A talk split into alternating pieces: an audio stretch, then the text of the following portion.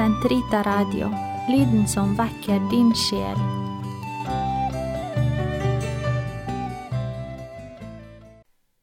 Karmels hage sesong to Den hellige Mariam av den korsfestede Jesus Den 17. mai i 2016 helligkåret pave Fransk, Frans to palestinske nonner, søster Mariam Bovardi og søster Marie Alfonsin Gattas. Det var de første helligkåringene av mennesker fra Det hellige land siden de første århundrene. I den forbindelse ble det understreket at de nye hellige er tegn på håp og oppmuntring for alle kristne i Midtøsten i en tid der voldelig forfølgelse og diskriminering har drevet mange kristne ut av regionen. Midtøsten, som gjennom århundrene har vært en mosaikk av ulike trosretninger og religioner, og der muslimer og kristne før har levd et relativt fredelig eh, liv sammen, er i ferd med å tømmes for kristne. I byen Homs, i det borgerkrigsherjede Syria, var det før 160 000 kristne. I 2016 antok man at det bare var 1000 igjen. I en tid hvor en annen forferdelig krig, den i Ukraina, tar all vår oppmerksomhet, og der kirkebygg ødelegges og kristne lider og dør fullstendig meningsløst i de forskjellige byene, må vi likevel aldri glemme å be for våre kristne søsken i Midtøsten. Jeg hadde nylig kontakt med, på mail med karmelittnonnen i Harissa i Libanon. Priorin avslutter mailen med følgende bønn. Do not forget to pray intensely for our country, suffering very, very much. Do not forget to pray intensely for our country, suffering very, very much. La oss i vår bønn for fred i verden ikke glemme Libanon, der så mange flyktninger samles til et liv med store vanskeligheter. Når dere nå i dette programmet skal få bli bedre kjent med en av de to helligkårene fra 2016, søster Mariam Bafardi, la henne hjelpe dere i denne bønnen, og la henne inspirere dere til en enda mer radikal overgivelse til Den hellige ånd. Å kunne fordype seg i Den hellige Mariams historie kan bevare oss fra apati og håpløshet. Hos Santa Mariams, som var fullstendig overgitt i Kristi kjærlighet, skinner litenhet og hjelpeløshet som den vakreste juvel.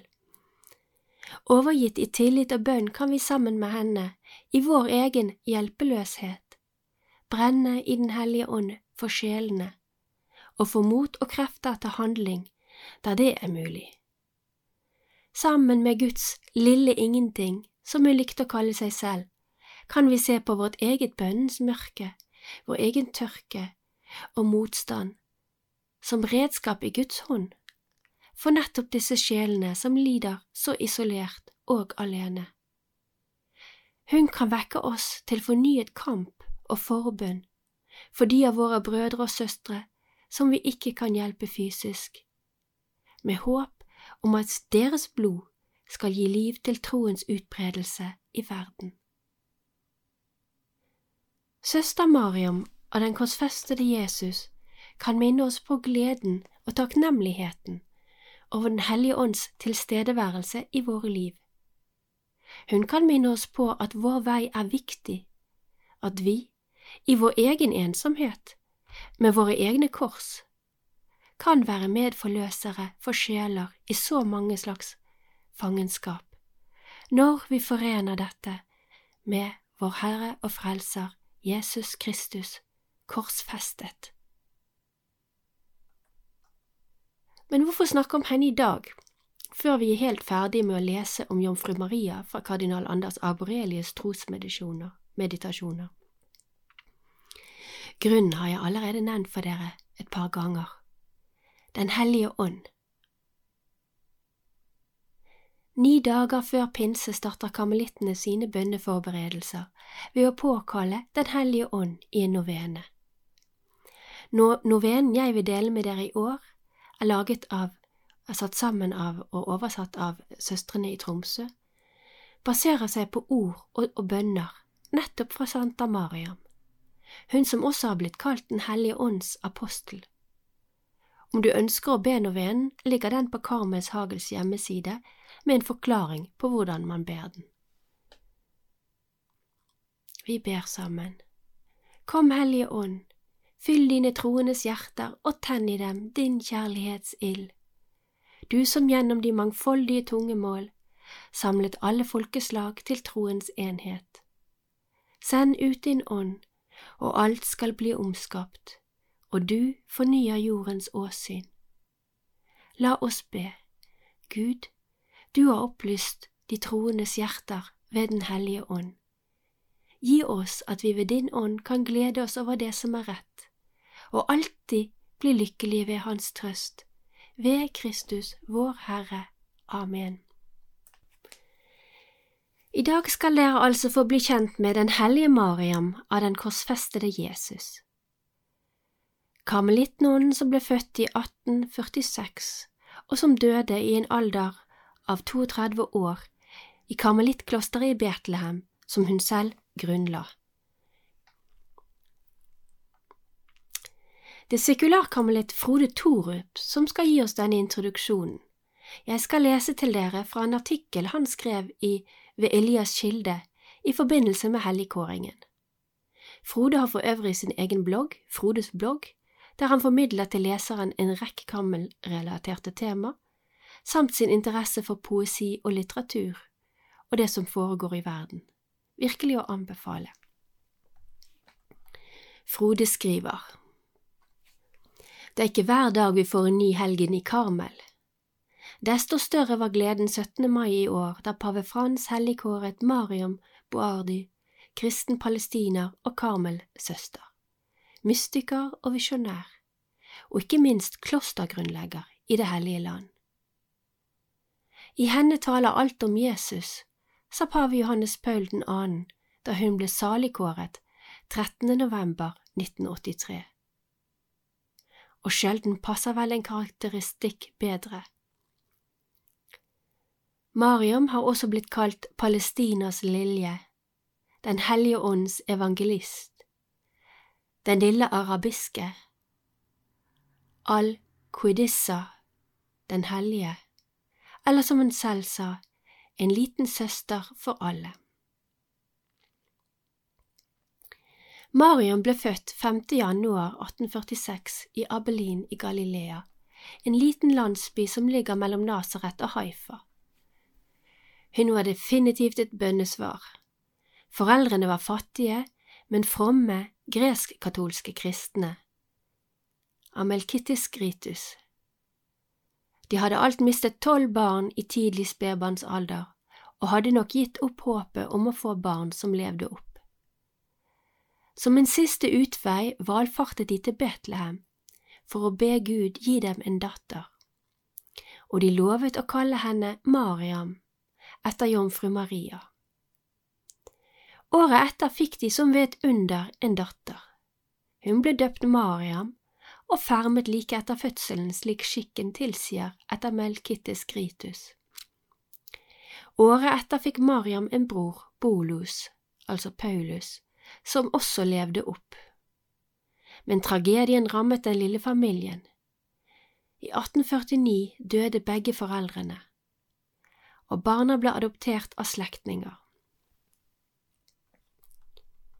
Mariam kom til en onkel som et par år senere flyttet med hele familien til Alexandria i Egypt. Der hadde hun en god oppvekst inntil onkelen avtalte giftermål da hun var tolv år gammel. Mariam hadde allerede viet livet sitt til Gud. Hun nektet å gifte seg og skar av seg håret. Onkelen reagerte med raseri, og Mariam ble behandlet som en slave i huset. Situasjonen var svært vanskelig for henne, og hun prøvde å skrive brev til broren med tanke på å komme tilbake til Palestina. En tjener lovet å hjelpe henne, men hadde som baktanke å få henne til å bli muslim. Mariam svarte ham da, Jeg, muslim, aldri. Jeg er en datter av den katolske, apostoliske og romerske kirke. Ved Guds nåde håper jeg å holde fast ved min religion, som er den eneste sanne. Tjeneren reagerte med raseri og prøvde å skjære over halsen på Miriam. Mariam. Deretter etterlot han henne dødelig såret i en bakgate. Det er verdt å merke seg at dette skjedde 8. september, en Maria-dag som Mariam alltid senere skulle ha et spesielt forhold til. Hun forteller videre at hun våknet opp i en grotte, der en blåkledt kvinne pleiet henne i fire uker. Mariam kom seg gradvis og kunne forlate grotten, og fikk seg etter hvert arbeid som hushjelp i en familie. Hun var senere overbevist om at det var jomfru Maria som hadde reddet henne. En ikke-troende lege som senere undersøkte henne, kunne bekrefte at hun hadde hatt en livstruende skade. At hun overlevde, karakteriserte han som et under og Guds bevis. Mariam ønsket å dra til broren i Palestina, men ulike hendelser kom i veien, og hun skulle aldri møte ham igjen i dette livet. Hun lyktes imidlertid med å ta seg til Palestina og kom først til Jaffa, deretter Jerusalem, før hun endte opp i Beirut. Der fikk hun arbeid som hushjelp hos den syriske familien Nagyar, som hadde en datter i Marseille. Familien tilbød henne jobb som hushjelp hos datteren, og i 1863 dro hun sammen med herr Nagyar til Marseille. Mariam var på denne tiden nærmest analfabet og kunne knapt et ord fransk. Mariam kjente etter hvert kallet til klosterlivet, men hvor skulle hun finne et kloster som ville ta imot henne? En dag på vei til messen oppdager hun at en mann med et lite barn i hånden følger etter henne. Med et smil sier han, Jeg vet at du vil gå i kloster, jeg skal følge etter deg til du er i et kloster. Var det Sankt Josef som talte til henne? Mariam ble i hvert fall tatt imot av Sankt Josefs-søstrene i chaplet utenfor Marseille. Etter to år som novise var det avstemning om hun skulle få bli, bli eller sendt ut i verden igjen. Det ble flertall for det siste. Det var delte meninger om henne i kommuniteten. Ikke minst fikk de mystisk-ekstatiske fenomenene som fulgte henne, mange til å reagere. Mariam falt stadig i ekstase og hadde visjoner. Hun utviklet sårmerker, såkalte stigmata, og ble løftet opp, levitasjoner. Hun passet kanskje bedre i et kontemplativt kloster. Søster Veronica av Pasjonen, som hadde ansvar for novisene, var konvertitt fra den anglikanske kirken. Hun hadde lenge kjent kallet til å tre inn i Karmel, og hadde nå fått tillatelse fra Vatikanet til å skifte orden. Søster Veronica inviterte Mariam til å bli med, og det ble lov til det. Slik skjedde det at de begge en junidag i 1867 kom til karmelittklosteret i Pau i Sør-Frankrike. Mariam fikk her ordensnavnet Søster Maria av den korsfestede Jesus. På denne tiden var det et skille mellom leksøstre og korsøstre. Som knapt leseskyndig ble Mariam leksøster, og det var hovedsakelig praktisk arbeid som falt på henne. Mariam fortsatte å falle i ekstase og oppleve visjoner. I mai 1868 opplevde hun, slik som Therese av Avila, å få hjertet gjennombåret. Transverberasjon. Hvem har trøstet mitt hjerte? Det er du, min elskede. Hvem har slukket dets tørst? Det er du, min kjærlighet, uttrykte hun etterpå. Biskop Marie Efrem var karmelitt, professor i dogmatikk og misjonær i India. Han planla å grunnlegge et karmelittkloster i Mangalore i India.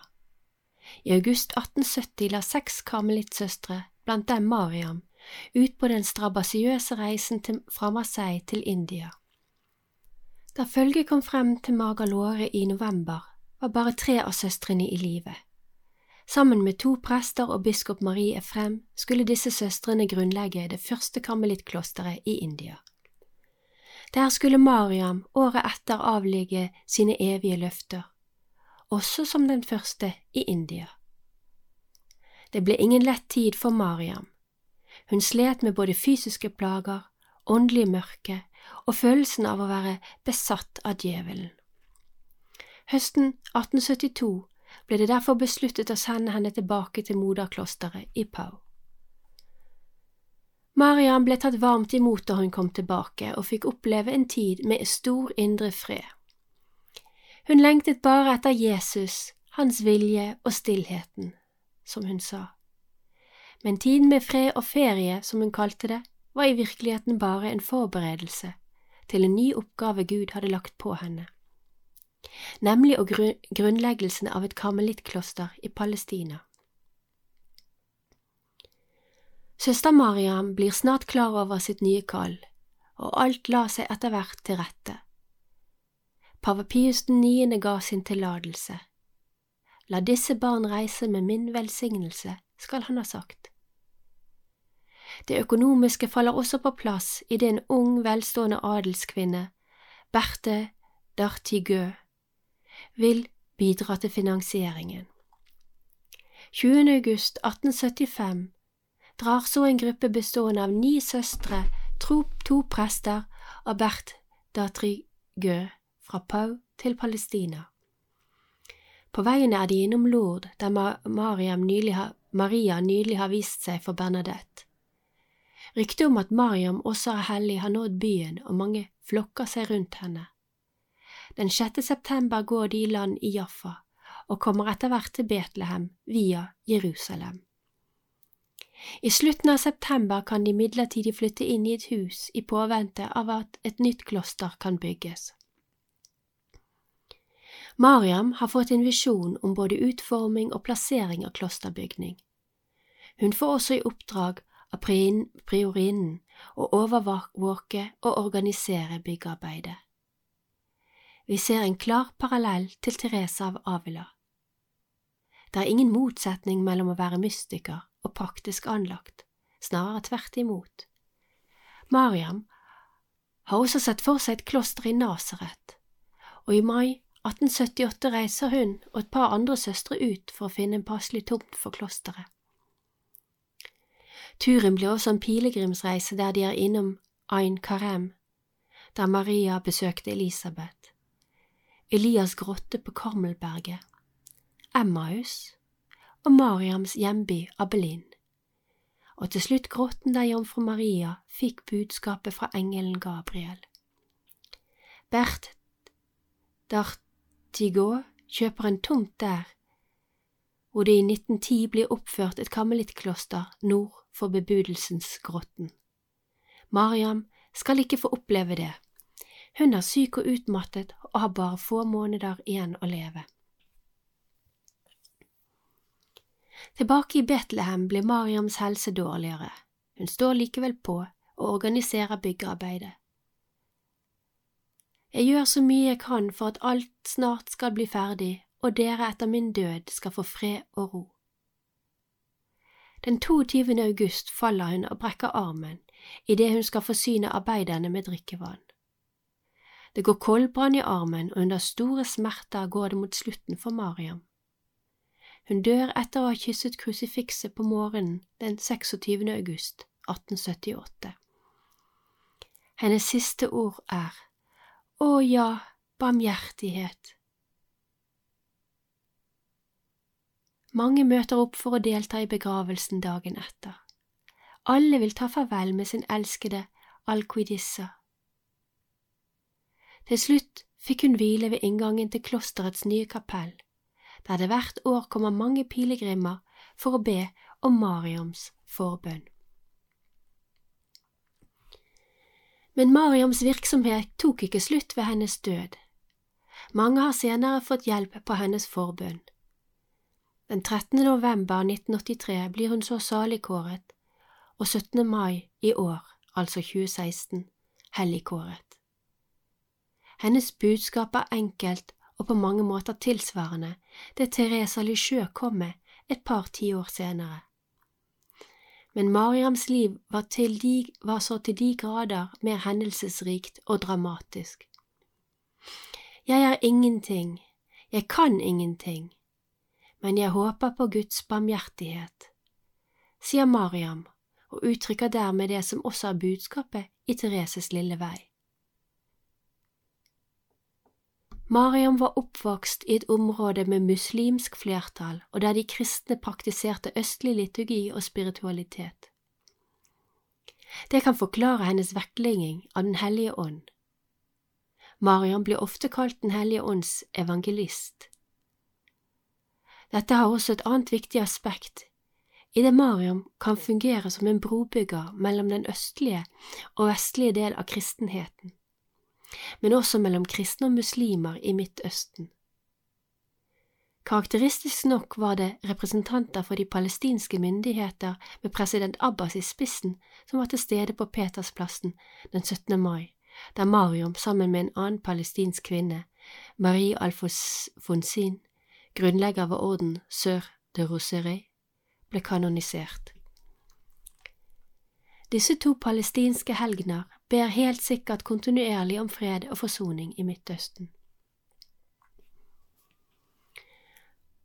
Mariam hadde nok også en særlig forkjærlighet for jomfru Maria, som hun også hadde navn etter.